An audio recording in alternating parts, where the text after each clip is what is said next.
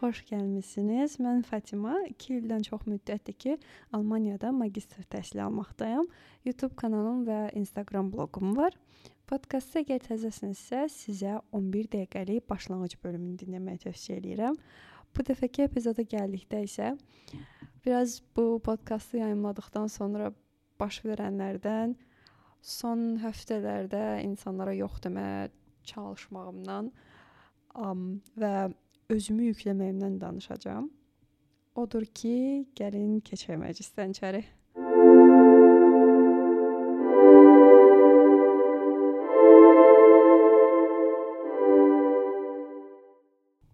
Deməli, birinci istəyirəm sizə bir parkda mənim ə, e, elədiyim söhbətdən danışım. Daha doğrusu bəzi qeydə dəyər şeylər baş verdi bu parkdakı həm söhbətimlə.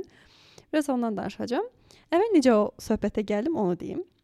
Deməli bu podkastı paylaşandan sonra, yayımladıqdan sonra elə oldu ki, mən tez-tez telefonuma, Instagrama girirdim, baxırdım görəsən nə yazılıb, görəsən nereye gəldi, görəsən necə oldu, sual, falan sualı cavablayım, falan şərhi cavablayım. Bu kimi bir növ reaksiyalar verirdim. Mən isə normalda belə deyiləm. Məsələn, normalda bir post paylaşıramsa, mən o postu Aa, bunu sizə deyirəm. Bu gün 5 noyabrdır da və mən dump paylaşmışam Instagramda. Girəndən o vaxtdan heç girməmişəm Instagrama. Yəni paylaşdığım dövrdən sonra girməmişəm. Və indi yadıma düşür ki, a mən post paylaşmışdım. Yəni baxın normalda belə olur. Mən nəsə paylaşıram, sonra bir də açıb hatandan ana, yəni yadıma düşəcək, onu da açıb baxacağam və cavablayacağam birbaşa elə onda, yəni hər şey. Yoxsa mən hər dəqiqədən bir girim baxım ki, a görəsən nə dedilər? Görəsən reaksiya necə oldu? Belə bu bu kimi olmur da. Amma məncə bu başa düşülən idi, çünki podkast yeni bir şey idi də. Mənə doğrudan maraqlı idi ki, görəsən necə olacaq. Və nəzərə alanda ki, mənim normalda YouTube fəaliyyətim də var və YouTube-da məsələn nəsə paylaşanda, yeni bir video olanda mən onu story qoyuram və onunla bağlı da şərhlər gəlir. Və üstəlik də mən adi gündə bəzən başıma gələnlərdən, ya nəsə qarşıma çıxanlardan bir storylər falan qoyuram da. Nəysə mən yaman çox vaxt keçirirdim, normadan artıq. Ona görə işim bitmişdi. Səhər-səhər Alman dərsində olmuşam, günorta işdə olmuşam. O arada dediyim kimi girib Instagramı yoxlamışam, şərhləri, geri dönüşlərim və bitəndən sonra gördüm ki, aha, mən telefonu aldım əlimə, yenə başladım o o döngünü bir növ yenidən yaşamağa, yaşatmağa özümə. Dedim okey, olmaz belə. Telefonu saxla. Gəl duraq gedək gəzək. Təmiz havaya çıxaq. Özü payız havasıdır. Frankfurtda da payız bir başqa yaraşır. Yəni bizim Bakıdakı kimi deyil də burada. Hava düzdür. Bəzən tez soyuya bilər və yaxud da ümumiyyətlə il boyu temperatur aşağı ola bilər. Düzü iqlim dəyişməsindən, istiləşməsindən sonra belə bu çox kəskin hava dəyişiklikləri olur. Ona görə adam heç bilmir ki, normal olan nədir. Amma nədirsə belə ümumi payız Bakıya nisbətdə daha belə yavaş. Məsələn, yarpağın yaşıl rəngdən qırmızı rəngə, sarı rəngə, sonra onun yerə düşüb xəzana çevrilməsini belə rahatlıqla, öz xoşunuzla belə izləyə bilirsiniz. Bakıda isə elə olmur. Bakıda sentyabr ayı gəldi, yağışlar başladı, oktyabr ayı falan. Siz bir də baxdınız ki, ay bütün yarpaqlar gedib. Yəni heç nə yoxdur. Ağaclar bomboşdur küləyin əlindən. Nəsə ona görə də özümə bir növ dedim ki, çıx çölə, nəfəs al, bütün gün oturursan, həm də ki telefondan da uzaq qalmış olarsan da. Musiqi də qoymadım tam sakit. Getdim, ayağım bir növ məni apardı, bir parka çıxartdı və elə təzəcə girmişdim parka. Bir də orada bir kişi var idi. İtini gəzdirirdi və onun iti başladı mənə doğru qaçmağa. Amma sahibi tez tutdu da onu. Mən də sıra sahibi də ikisi ikimiz də başladıq gülməyə. Və mən o anda istədim ki, sahibindən soruşum ki, bəs bu it bu itin adama belə yaxınlaşmağa çalışması, adama doğru qaçması yaxşıya işarədir, yoxsa pisdir? Amma özümü orada dayandırdım. Dedim ki, əşi qalsın. Onsuz da desəm ingiliscəni də deyəcəm. Alman dilində bunu tərcümə eləmək var indi. Bu qalsın əşin olasıdır. Həm də ki bəlkə öz özünə vaxt keçirmək istəyirəm. Mən bir də niyə bölümə belə şey eləmədim də. Ümumiyyətlə bu ürkəklik ki var. Mən Almaniyaya gələndən sonra başlayıb. Mən Azərbaycanda bilirsiniz necəyəm? Məsələn, deyək ki, mağazaya girdim.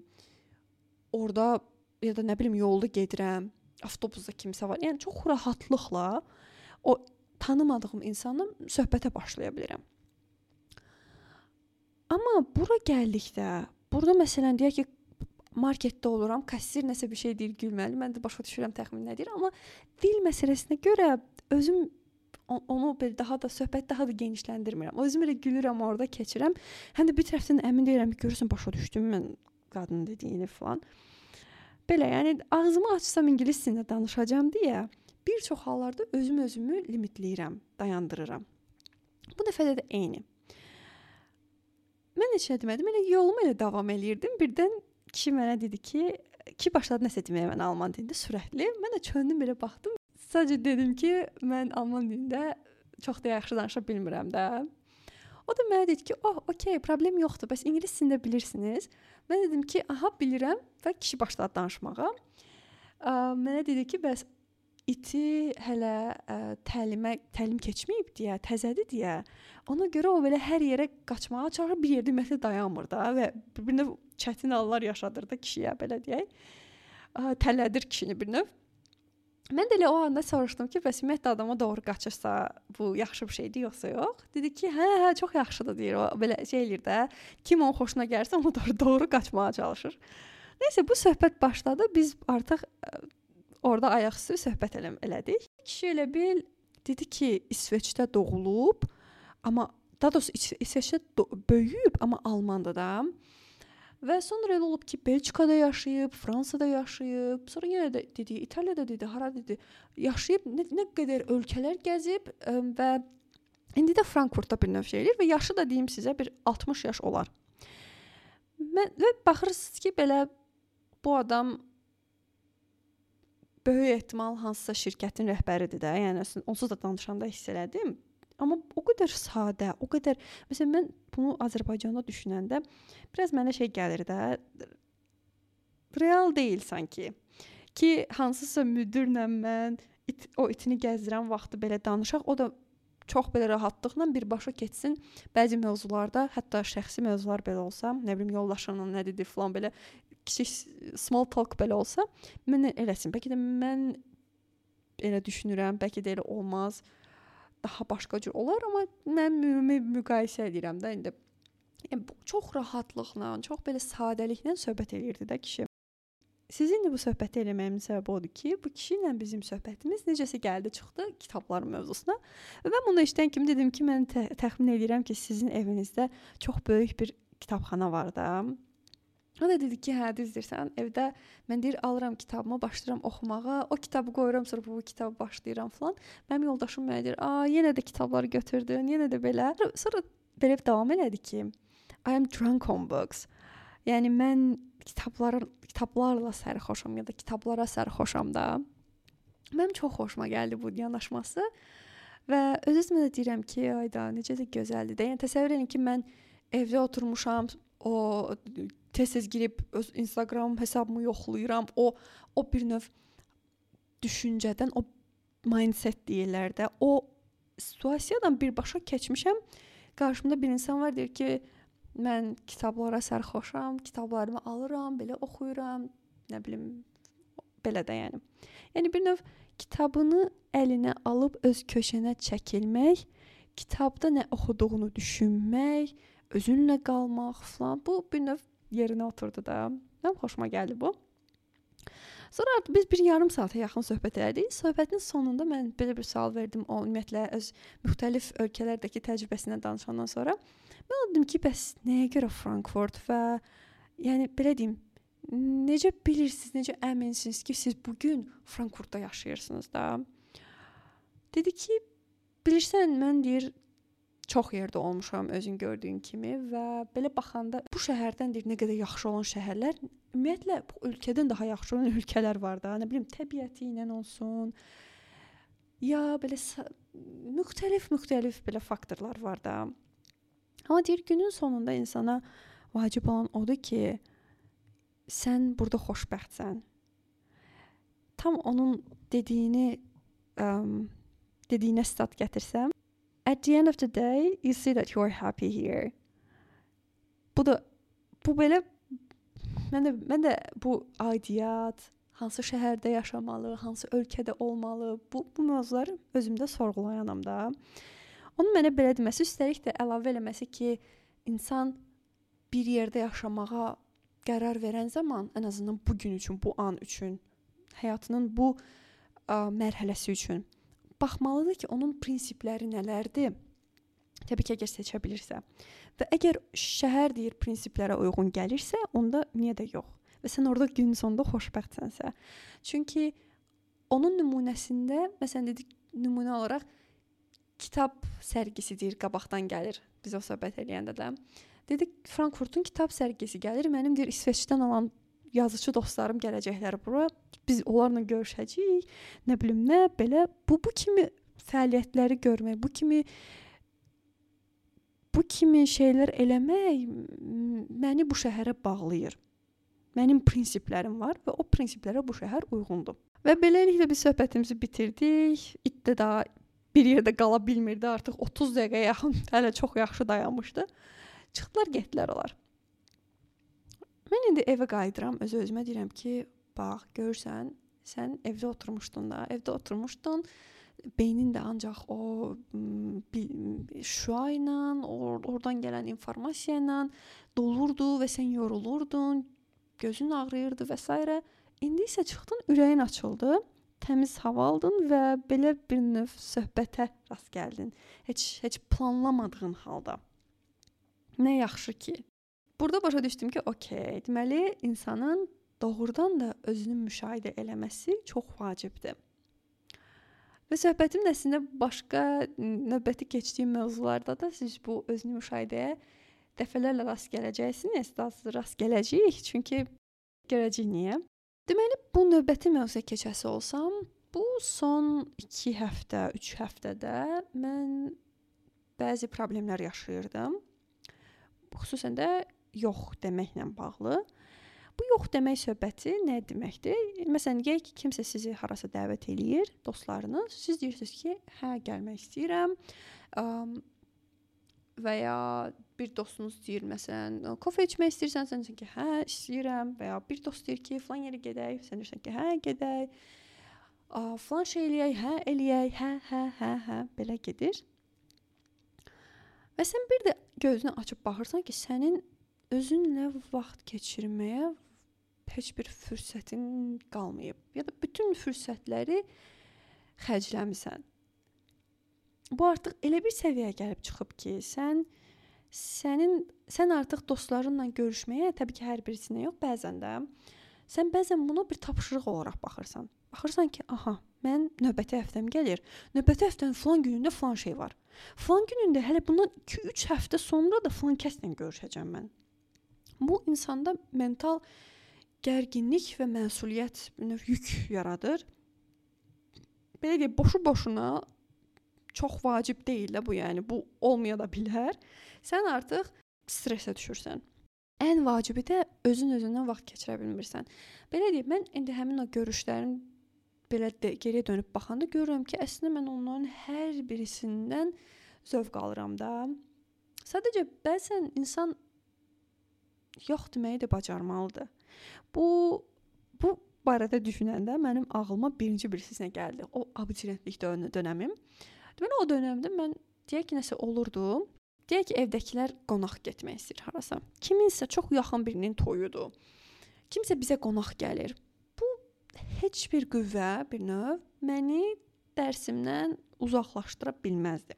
Yəni kimisə toyudusa, o insan çox çox yaxın olmadığı müddətcə mən durub o adamın toyuna getmirdim. Həmin gün mənim əgər kursum var idisə, mən o kursa gedəcəkdim. Qonaqlar gəlirdi evimizə, mən tamamilə ayrı hissəyə çəkirdim. Ev də böyük deyildi. Hələ onunla belə, yəni tamamilə ayrı özümü izolyasiya elirdim, o dərsə fokuslanırdım.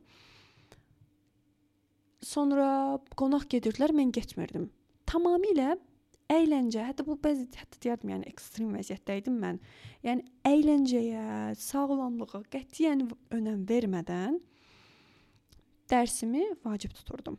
Bir dənə istisna orada var, yuxu. Yuxunu yuxudan keçmirdim mən qəti, amma amma yəni bu digər şeylər əyləncədir filandı. Bunlara fikir vermirdim. Dərs birinci gəlir. Sonra elə oldu ki, bu məsələ əslində biraz universitetə girəndə Bakıda biraz yüngülləşdi, amma yenə də o o disiplin qalmışdı da. Amma mən Almaniyaya ki gəldim, burada olan, burada təhsil alan uşaqları görəndən sonra dedim, bir dəqiqə, bu insanlar necə rahatdılar? Bu insanlar necə qaçmırlar? Mən düzdür, yəni Azərbaycandan gəlirəm. Mənim mən mən bu insanlarla rəqabətdə olmuşam deyə ayağımı ayağımın üstünə atıb otura bilməzdim də. Mən 23 yaşında, 20, əslində 23 yox, 21 yaşında bura gəlmişdim. Mənim o 21 yaşında gələndə etmiş olduqlarımı burada insanlar var idi ki, 26-27 yaşlarında eləməmişdilər ya da 26-27 yaşlarındadılar və mənlə bənzər şeylər eləyiblər. Mən indi təsəvvür eləyin, mən və mənim timsalımda nə qədər Azərbaycanlı uşaq və ya bizim bu coğrafiyadan gələn uşaqlar görün nə qədər stressə düşürlər də. Mən də o formada burada bura gələndən sonra isə dedim ki, okey, mən təqaüd alıram. Mən biraz başlayacağam yavaşlamağa. Keçən keçən dəfədən gələn slow movement mən başlayacağam yavaşlamağa. Artıq belə sıçan o hamster qaçırır şeyin üzərinə təkərin içərisində. Ondan eləməyə ehtiyac yoxdur. Kimdir mənim arxamca qaçan? Əsas odur ki, mən sağlam olum. Sağlamlıq prioritetə prioritetə çevrildi mənim üçün. Sağlamlıq, düşüncə, sakitçilik, istirahət. Təsəvvür eləyin ki, məndə zamanlar olurdu. Mən deyirdim ki, çox gözəl andı. Yarpaqlar qıraqda belə işıl-işıl, hava superdir və mən çox xoşbəxt hiss edirəm özümü. Öz-özümə deyirəm ki, görürsən bu tətildir, bu bitəcək. Bu Axı mənim yadıma gəlir mən atıram 2 ay bundan əvvəl də buna bənzər şey yaşadım. Görürsən nəsə səhvdir, mən belə hiss edirəm. Bu çox oldu, nəsə bu yaxşılıq, nəsə nəsə çox oldu bu istirahət eləmək. Çünki öyrəşməmişəm. Mən öyrəşmişəm ki, istirahət olmasın, olsa belə ildə bir dəfə olsun. Və qalan vaxtlarda sən ancaq üzərində nəsə eləməlisən, özünü inkişaf etdirməlisən. Sonra özümə orada həmin anda deyirdim ki, yox, bu artıq yeni həyat tərzidir. Bundan sonra sən bu cür yaşayacaqsan, aralara isə bu özünün üzərində işləməkdir, nə bilim karyeradır, dildir, odur, budur, bunları formalaşdıracaqsan, üstünə elə bir qoyacaqsan da. Bunların bazasında belə belə belə belə mən müəyyən bir yenidən mindsetə girdim. İndi artıq üzərindən 2 il keçib də. İndi dönüb baxanda, indiki günümə gəlib çıxanda mən başa düşürəm ki, mən filtri, o filtr ki götürdüm, əvvəl çox filtrləyirdim hər kəsi, hər şeyi belə uzağa atmaq.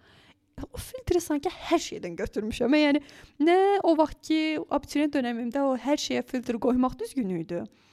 Nə də indiki kimi da bu qədər də yox da. Əylən, özünə vaxt ayır, amma da bu qədər yox. Daha doğrusu özünə vaxt ayırmaq deyil, kaş belə özünə vaxt ayırmaq olsa bu.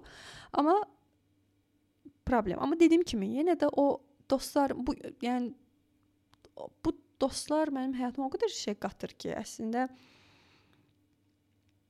de, de, demək də olmur ki, ay yox, ey, bu dostlar ümumiyyətlə çıxsınlar həyatıma, belələri, belə belə söhbətlər mənim mənim həyatımda olmasın, belə də deyil. Sadəcə ə, artıq mənim özümə zərər vuracaq dərəcədədir də. Yəni mən özüm bir fərd olaraq bunun məsuliyyətini əlimə götürməliyəm də. Mənəm bunu deyən ki, keçən dəfə mən ə, mənə Əsli dedi ki, Əsli mənim ə, ən yaxın dostumdur. Əsli mənə dedi ki, sən bir şeyə hə deyəndən sonra durub o barədə şikayətlənməyin düzgün deyil də. İnsan bunu əvvəlcədən əlinə almalıdır, ipləri əlinə almalıdır və əvvəlcədən bunun sən bucuğra salmalısan. Yəni qoymamalısan ki, bu həddə gəlsin, çatsın. Mənə çox məntiqli, çox düzgün gəldi bu yanaşma. Dedim, "Okay. Mən artıq həmin nöqtədəyəm ki, yox deyəcəm." Bu başladım bu yoxları düşünməyə. Təsəvvür eləyin ki, bir də bir tərəfdən bu bunu bir növ tətikləyən nədir? Mən Almaniyaya gələndən sonra hər digər e, tələbələr kimi mən də öz həyatımı, öz sosial həyatımı sıfırdan qurmalı idim. Bir də siz ekstravert insansınızsa, bu sizin üçün biraz daha hmm, kritik hala gəlir. Çünki sizin insanlarla insanlarla münasibətdə olmağa, söhbətlər eləməyə, ünsiyyətdə olmağa daha çox ehtiyacınız var sanki. Sizə bu təbiidir də, yəni. Mən bəzən ekstravert oluram, bəzən introvert oluram. Um, bu bu baxımdan da siz yenidən həyat quran zaman gərək çalışasınız ki, hər şeyə də yox deməyəsiniz. Hər elə bil əlinizə beynəlxalq mühitdə, belə deyim, dostlar yarandıqca, bir bir bir şans yarandıqca yeni insanlar tanımağa siz çalışırsınız ki, bu insanlara hə deyəsiniz. Hər dəfə deyəcəksiniz və artıq aha görürsüz ki, a mənim yanımda belə bir insan, həyatıma belə bir insan girdi. Nə yaxşı belə bir insan, nə yaxşı mən hə dedim. Belə bu tipli. Əgər hər dəfə yox desəz, bir növ ə, öz qapıları bağlayırsınız da. Hətta buna görə bəzi insanlar ə, gəldikləri dönəmdən təsəvvür edin illər keçir, amma onlar hələ də Azərbaycanlı insanlarla oturub dururlar. Yəni o insanlar beynəlxalq arena mı deyim, nə deyim, o mühitə keçə, keçid eləyə bilmirlər. Bunun əslində müxtəlif səbəbləri var, amma səbəblərdən biri də budur da. Mən ona görə çalışırdım ki, çoxlu hələlər deyim. İndi bu yaxın zamanda da bir e, fransız dostum var. Onun ad günü olacaqdı və o ad günüyə mənim köhnə yataqxanamdan olan uşaqlar da gələcəkdi. Və mən o görüşə önəm verirdim də. Sonra öz-özümə dedim ki, və indi və öz cədvəlimə baxıram, yoxlar deməyə çalışıram. Deyirəm ki, okey. Bu bu ad günüyə gedim görəsən. Beynimdə birinci şey eləyən, birinci reaksiya budur. Yox, yox, yox. Bu mütləqdir getmək lazımdır. Get orada uşaqları falan görəcəksən. Həm də əldən qaçmasında xaricilər falan var. İkinci adam dedi ki, bir dəqiqə, gəl səni hər dəfə mən düz düz deyilmiş sən kimi götürürəm, amma bir dəqiqə dayan. Kim mənə deyir ki, bu mütləqdir? Elə davranırsan ki, sanki daha elə davranıram ki mən, sanki bu görüşə get, bu ad günüyə getmək mənim xaricilərlə, xarici dostlarımla bir araya gəlməyimdə yeganə şanslıdır. Yəni bundan ötürü bunu itirsən, sən çox şey itirdin. Yəni elə də deyil axı. Sən düşünməlisən ki, okey, mən bu insanla görüşməyə getməyəcəm. Mən bu ad günüyə getməyəcəm ha. Bunun əvəzinə mən özüm nə edəcəm? Və cavab de, falan falan falan şey eləyəcəm. Sonra baxırsan ki, ah, axı eləyəcəyim şeylər daha vacibdir. Mənə daha çox mənim bir növ şarj eləyir. Üstəlik mənə imkan verir ki, mən öz cığırımda gedə bilim. Öz cığırımdan bir növ deviasiya eləməyim. Buna statistikada standard deviation deyəsən statistik kənarlaşma mı, nəsə belə bir şey deyilir. Yəni bir ə, bir nöqtə ola bilər ki, bəzən ümumi ortadan kənar kənara çıxsın. Ümumi orta 8-dir, amma sən deyək ki 70-dəsən məsələn də və sən çox uzaqdasan artıq ümumi ortadan. Yəni bu kimi anlarda adam yenidən özünü müşahidə söhbətinə gəlirik. Özünü müşahidə eləyərək yenidən özünü o ümumi ortaya gətirməyə çalışırsan. Öz ümumi ortana. Hansı ki, sən üzərində düşünmüsən, bir prinsip yaratmısan, bir disiplin yaratmısan, bir qayda yaratmısan, həmin o ümumi ortaya. Və mən yox dedim həmin ad günü çağıran qıza. Və çox da yaxşı hiss elədim. Yox dediyimə görə çox bir şey də itirmədim. Düz getsəm mənə nə isə dəyəri olacaqdı, amma mən o həmin gün getməyərək elədiyim şeylər məni çox qidalandırdı, ruhumu qidalandırdı, fiziki olaraq qidalandırdı. Daha yaxşı hiss elədim. Sonra BF-im mənə dedi ki, gəl gedək ə, bir alman dilində olacaq prezentasiya var idi sessiyada. Orada çoxlu layihələr bir növ təqdim olunacaqdı. Mənə dedi ki, gəl gedək, həm alman dilində olacaq, həm sən ə, məruz qalarsan, alman dilinə məruz qalarsan. Bəziləriniz bilər, ə, məni Instagramdan izləyənlər, mən bu aralar Insta e, sorry. mən bu aralar həftə içi hər gün alman dil dərsinə gedirəm dilinə. Ona görə çalışıram ki, mümkün qədər özümü bu dilə məruz qoyum da. Ona görə beynim o dəqiqə başladı ki, aha, deməli həm bir yerdə gedəcəyik onunla, həm də ki gedəcəyik alman dilinə məruz qalacağıq. Bir də baxıram ki, bir tərəfdən də bir dəqiqə. Səhər-səhər dərsdəyəm. 3 saat dərs gedir, alman dil dərsi. Günorta gələn kimi elə işə başlayıram yemək yeyəndən sonra. İşdə düz saat 5-ə kimi və ya 6-ya kimi. Və mən həmin andan sonra, həmin vaxtdan sonra bitirəcəm, ondan sonra çıxıb gedəcəm həmin o proyektə. Proyektləri dinləməyə. Bu hər nə qədər produktiv səslənsə də, mənə xeyri olacaqsa o alman dilini ordakı məruz qalma, amma axı sənin üçün o qədər də sağlam səslənmirsən. Axı ora gedəndən sonra birincisi o qədər yorğun olacaqsan ki, artıq sən ordakı informasiyanı dinləyə bilməyəcəksən. Ya da qarşındakı insanı razı salmaq üçün ona yaxşı olsun deyə bir növ hə demək də bir başqa problemdir onsuz da. Gəl özünü sən özün məntiqi olaraq baxanda buna bunu eləməyin sağlam olmaz. Ona görə yox de. Və çox çətin olsa da mənə mən yox dedim. Bu dedi ki, okey, yəni heç bir problem olmadı və belə özüm-özümə qaldım ki, a, mən nə yaxşı yox dedim. Bir daha. Bir də bir də oradan mənə bir növ şey gəldi. Bilirsiniz, bu bu kimi anlarda insan baxır, deyir ki, insan özünün özünün qarşısında hörməti var da, hər kəsin özünün özünə hörməti. Siz bunu etməyəndə öz prinsiplərinizi, özünüzə deyə bir qərar verirsiniz və o qərarı sonra tutmursunuz, o qərar arxasıca düşmürsüz də. Bu kimi hallarda ya da özünüzü müşahidə eləmirsiniz ya da müşahidə eləyirsiniz, nəyisə səhv olduğunu görürsüz, amma sonra yenidən nəyəsə hə deyirsiniz. Məsələn, buna nümunə olaraq bir dost var, məndə Rumıniyalıdır. Təsəvvür eləyin ki, hər dəfə məni görəndə deyir ki, görüşək, görüşək, görüşək. Axırıncı dəfə elə yox dediyim o silsilələrdən birinə düşdü. Ona dedim ki, bilirsən, dedim, bu aralar introvertlik dönəmə dönəmimdir. Mən çox da görüşməməyə çalışıram insanlarla. Ona görə yox deyəcəm mən hələ ki. O da dedi ki, hə, okey, nə bilim nə. Amma Bilirsiniz, bu insanla mən neçə dəfələrlə qarşı-qarşıya gəlmişəm, amma bu insanın və hər dəfəsində deyib ki, görüşək. Mən də belə hə, hə, belə deyirəm, amma əslində baxıram ki, biz hər ikimiz görüşməyə can atmırıq. Xüsusən də qarşımdakı insan məni bir, bir növ belə təəccübləndirir ki, ay əziz dostum, sən ki, ya da tanışım belə deyək, sən ki bu görüşə ehtiyac duymursan içdən içə, nəyə görə özünü belə məcbur edirsən? Nəyə görə bir insanla qarşı-qarşıya gələndə sadəcə onun necə olduğunu soruşub, hal əhval tutdun və bununla limitdən limitlənmək yox. Hə.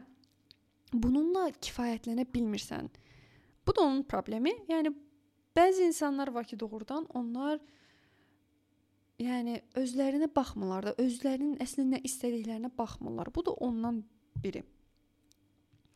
Siz bunu artıq özünüzə eləmədikcə, sizin özünüzə qarşı olan hörmətiniz artıq aşağı düşür. İndi bunu özünüzü dinləyib, özünüzü müşahidə eləyib, ona uyğun addımlar atanda isə sizin içinizdəki deyir ki, sizə nə yaxşı bunu elədin, çox sağ ol. Yəni bir də içdəncə o hörmət gəlir də. Əks halda isə özünüz özünüzə uduzmuş olursunuz. Belə və özümü daha yaxşı hiss eləyirəm. İndi çalışıram nəyəsə məcbur hiss eləməyim özüm dəvətlər eləyirəm ki, əvvəllər mən çox az dəvət eləyirdim kimisə. Çünki mənim heç kimisə dəvət eləməyə, nəyisə, nəyinəsə bir təklif verməyə mənim vaxtım yoxdur. Onsuz da mən bir neçə günüm boşdadır və həmin gündən də kiməsə, kiməsə kimsə artıq məndən nəyisə soruşur və mən də hə demişəm. Belə. Bu mövzu belə. Bu da bir daha o mövzuya gətirib çıxarır ki, o nöqtəyə gətirib çıxarır ki, insan özünü müşahidə eləməlidir. Bu mövzuda sizə bir e, telefonuma bir şey yazmışdım. Təsəvvür edin ki, bu söhbət məndə çoxdan da artıq aktualdır. Və baxıram ki, öz qeydlərimə keçəndə gördüm ki, a, mən belə bir şey yazmışamış, özümə qeyd götürmüşəm. Young Public-dan səhv eləmirəmsə. İstəyirəm sizə onun birinci ingilis dili versiyasını oxuyum, ondan sonra isə Azərbaycan dilisini oxuyum. Orijinal, sonra da tərcümə. One of the hardest things about saying no is potentially upsetting others. if you know your path and what you need to focus on, you have to be mindful of your limits. Save your energy so that you can accomplish the goals at the top of your list. Those attuned to inner work will understand and respect your right to say no. Yox deməklə bağlı ən çətin şeylərdən biri potensial olaraq başqalarını incitməkdir. Yolunuzu və nəyə diqqət etməli olduğunuzu bilirsinizsə, sərhədlərinizin fərqində olmalısınız. Siyahınızın başında duran məqsədlərə nail olmaq üçün enerjinizi qənaət eləyin. Daxili işdən xəbərdar olanlar yox demək hüququnuzu başa düşəcək və hörmət eləyəcəklər. Belə. Və son olaraq da bu arada istəyirəm bir su içim.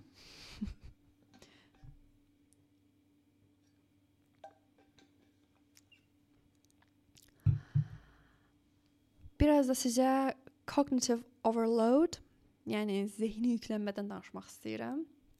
Əslində belə baxsaz görərsiniz, belə bir növ quş baxışı baxanda da danışdıqlarıma hər şey bir-birinə əlaqəlidir. Hər şey. O abituriyentlik dövrü də sonra belə gələndən sonra daim daim bir nəyisə saat hər saatımı özümün inkişafına sərf eləməyə çalışmaq, bu tendensiya ümumiyyətlə bu hamısı bir-birinə əlaqəlidir.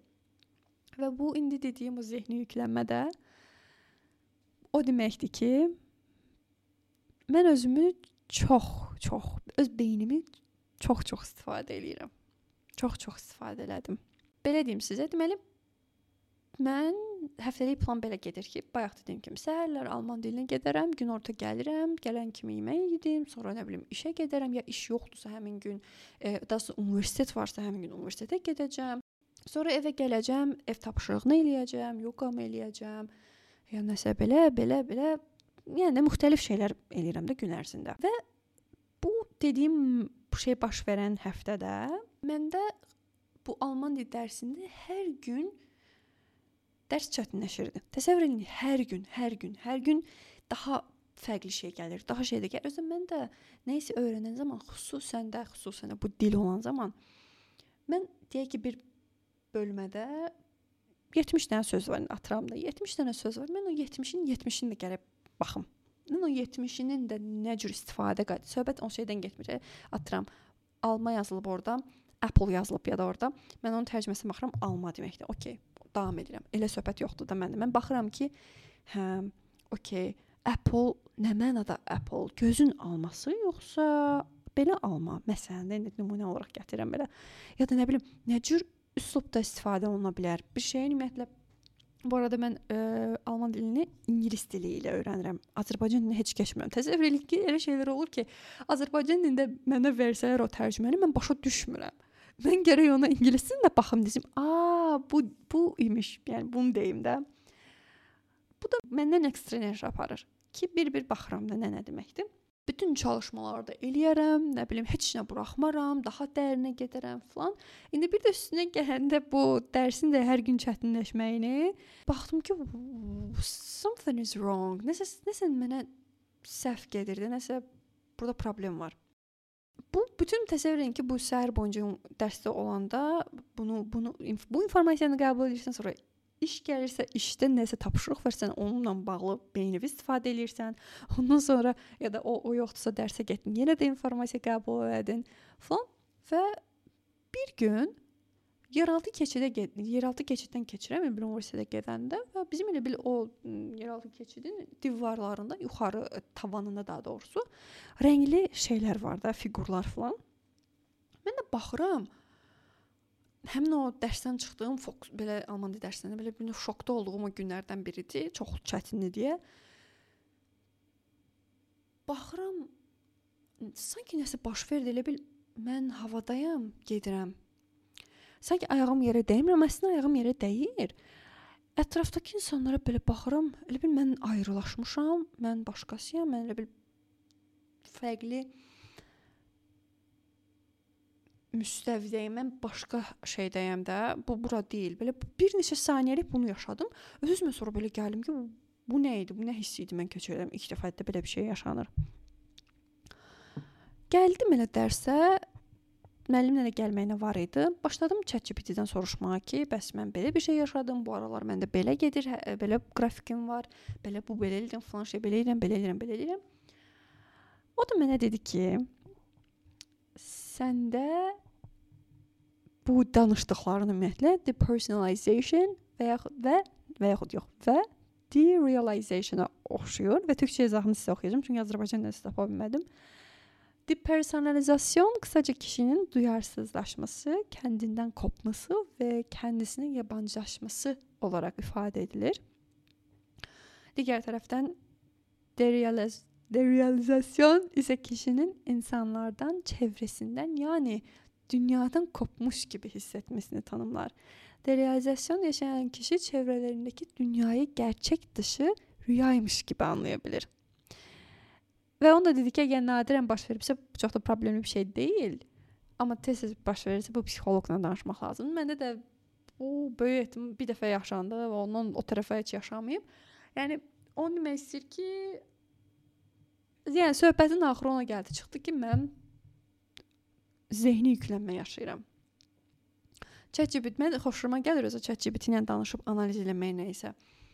Yəni bu o demək idi ki, mən artıq o qədər informasiya qəbul edirəm ki, özü də bilirsiniz, alman dili məsələsində mən deyirəm sizə ki, bəs çətinləşir get-gedə. Əslində mənə ümumiyyətlə bir dil öyrənmək çətin deyil. Məncə bu hobbidir. Ciddi ciddən yəni mən mənim elə bir beynimin humanitar tərəfi daha yaxşı inkişaf edibdi. Mənim üçün çox belə zövq verici bir şeydir də dili öyrənmək. Və digər insanlarla müqayisədə mənə o qədər də çətin də gəlmir bu. Sadəcə orada məsələ o idi ki, onsuz da gündəlik olaraq çətinləşən bir şey var. Bir də sən özün öz üzərinə yük qoyursan, özünü buraxsan biraz, belə rahatlasan, bir imkan ver. Onsuz da dərsdəsən fokuslu formada dərsə qulaq asırsan, axşam evə gələndən sonra tapşırıq verirsən. Bir də nəyə görə özünə ekstra ekstra tapşırıqlar verirsən, nəyə görə hər saniyəndən, hər dəqiqəndən bir şey çıxarmağa çalışırsan? Yəni əslində mən deyirəm ki, bəs Almaniyaya gələndən sonra mən özümü bir növ yavaşladım, yavaşlatdım, çalışdım ki, istirahətə fokus fokuslanım. Ki bunları da eləyirəm. İstirahət dediyimiz, yəni yoqamı eləyəcəm, beynimin nəfəs alıb nəfəs vermək, özümə qulaq asmaq və s. Bunları onsuz da eləyirəm, yaxşı da qidalanıram. Amma bu insanın ki iliklərinə işləyən ki şey var ya ki, nə eləyirəmsə mən, mənə faydalı olmalıdır. Mən birbaşa onun nəticəsini görməliyəm. Bu insanı artıq tələyə salır. Budur adamın problemi. Yəni təsəvvür edin ki, mən biraz belə boş qalaram məsələn, aha, deyək ki, uzandım çarpayıya. Deyəcəm ki, okey, çarpayıya uzandın, ki bunu boş keçirmə. Götür telefonu, Netflix-dən aç, ə, alman dilində cizgi filminə bax. Rahatlamaq üçün də qeyri-adi bir şey olmayacaq ki, otur onu ona bax. Ya da aç bir də falan psixoloq onun danışdıqlarına qulaq asaq. Ya da götür o kitabı biraz ona ona ona baxaq. Yəni boş-boş oturma da burada belə bu, bu kim işin belə içdən içə gələn o iliklərimə işləyən bir şey var da. Yəni özümə dedim ki, bir dəqiqə, heç nə lazım deyil. Sakitcə sadəcə bu çarpayının üzərində uzanacağam və düşünə düşünməyəcəm bəlkə də, sakit qalacağam və özümə icazə verəcəm ki, mən bir şey eləməyim. Bir şey eləməyim ki, bir, bir tərəfdən də çalışıram ki, vitaminlər qəbul eləyim ki, diqqətim daha yaxşı olsun, sinir sistemim rahatlasın falan ki, hər birinin də öz ayrıca təsiri oldu müsbət mənada ki, ötən ötən yox da növbəti həftələrdə artıq mən bu strategiyada elədiyim dəyişikliklərin artıq nəticəsini görməyə başladım. Gördüm ki, a mən mən daha effektiv oxuyuram, daha tez öyrənirəm və yəni bir çox mənada mənə daha sağlam hiss etdirir, daha rahat gəlir indi. Bu nöqtədə də artıq mən və və bilirsiniz nə etdim? Təsəvvür edin ki, o o ki dərs oxumağa və yaxud da nə isə elə hətta insanlarla görüşməkdən də götürsək, mən bu şeyi ki, onları o həmin onlara ayırdığım vaxtı ki azaltdım. Onun əvəzinə isə yoga vaxtımı çoxaltdım. Elə gözəl təsir elədi ki, Bilmirəm sizə bunu necə izah edim. O qədər gözəl təsir elədi ki, təsəvvür edin ki, çölə çıxıram. Bir Michael Singer var. Bu şərhlərdə, şərhlər yox da description bölməsində onun adını yazaram. İstəsəz onun podkastlarına, podkast epizodlarına baxa bilərsiniz. Spotify-da və digər yerlərdə yəqin ki var. Spotify-da mütləq var. Bir də özümə qeyd götürüm burada. Ya. Yeah. O bir dəfə demişdi ki, çalışın ki, gün ərzində özünüzə dəfələrlə I am centered, yəni mən mərkəzdəyəm. Sanki Azərbaycanda tam tərcümə edə bilmirəm bunu, amma mahiyyət olaraq belə götürürsən ki, sən özünün mərkəzindəsən, sən sənin özündən xəbərin var. Mən də bu meditasiya meditasiya yox da daha çox yoqanın vaxtını çoxaldanda bunu hiss edirdim. Təsəvvür edin, evdən çıxırdım, çıxıram və öz-özümə verirəm. Okay, mən mən başa düşürəm mən nə, nə etdim dünən. Bu gün nədir? Bəzilərinizə bu çox abstrakt gələ bilər, amma I am centered cümləsi ki var, e, adam onu dərininə başa düşür həmin anda. Belə. Ona görə bu dediyim 3 mövzunun, 3 hadisənin belə deyək, qayəsi odur ki, insan özünü müşahidə eləməlidir həmişə. Müşahidə eləməlidir. Əgər o dediyim kənarlaşma baş verirsə, özünə belə mehribanlıqla, o sərtliklə yox da, özünü yenidən o, o mərkəzə gətirməyə çalışmalıdır və bir o qədər də önəmlisi də öz mərkəzini sorğulamalıdır ki, mən nəyə düzgün deyirəm? Nə mənim üçün doğrudur? Sorğulamaq lazımdır. İstəyirəm epizodumuzu Young Pueblo-nun başqa bir statı ilə bitirim. Bayaqki kimi yenə də birinci ingilis dilində deyəcəm və daha sonra isə Azərbaycan dilində. If I am always wanting, I have little time for being. Only in being can I feel real peace. Əgər hər zaman istəyirəmsə, olmaq üçün çox az zamanım var. Sadəcə var olmaqda həqiqi dincliyi hiss eləyə bilərəm. Yanko Pablo Özünüzə yaxşı baxın. Növbəti məclislərə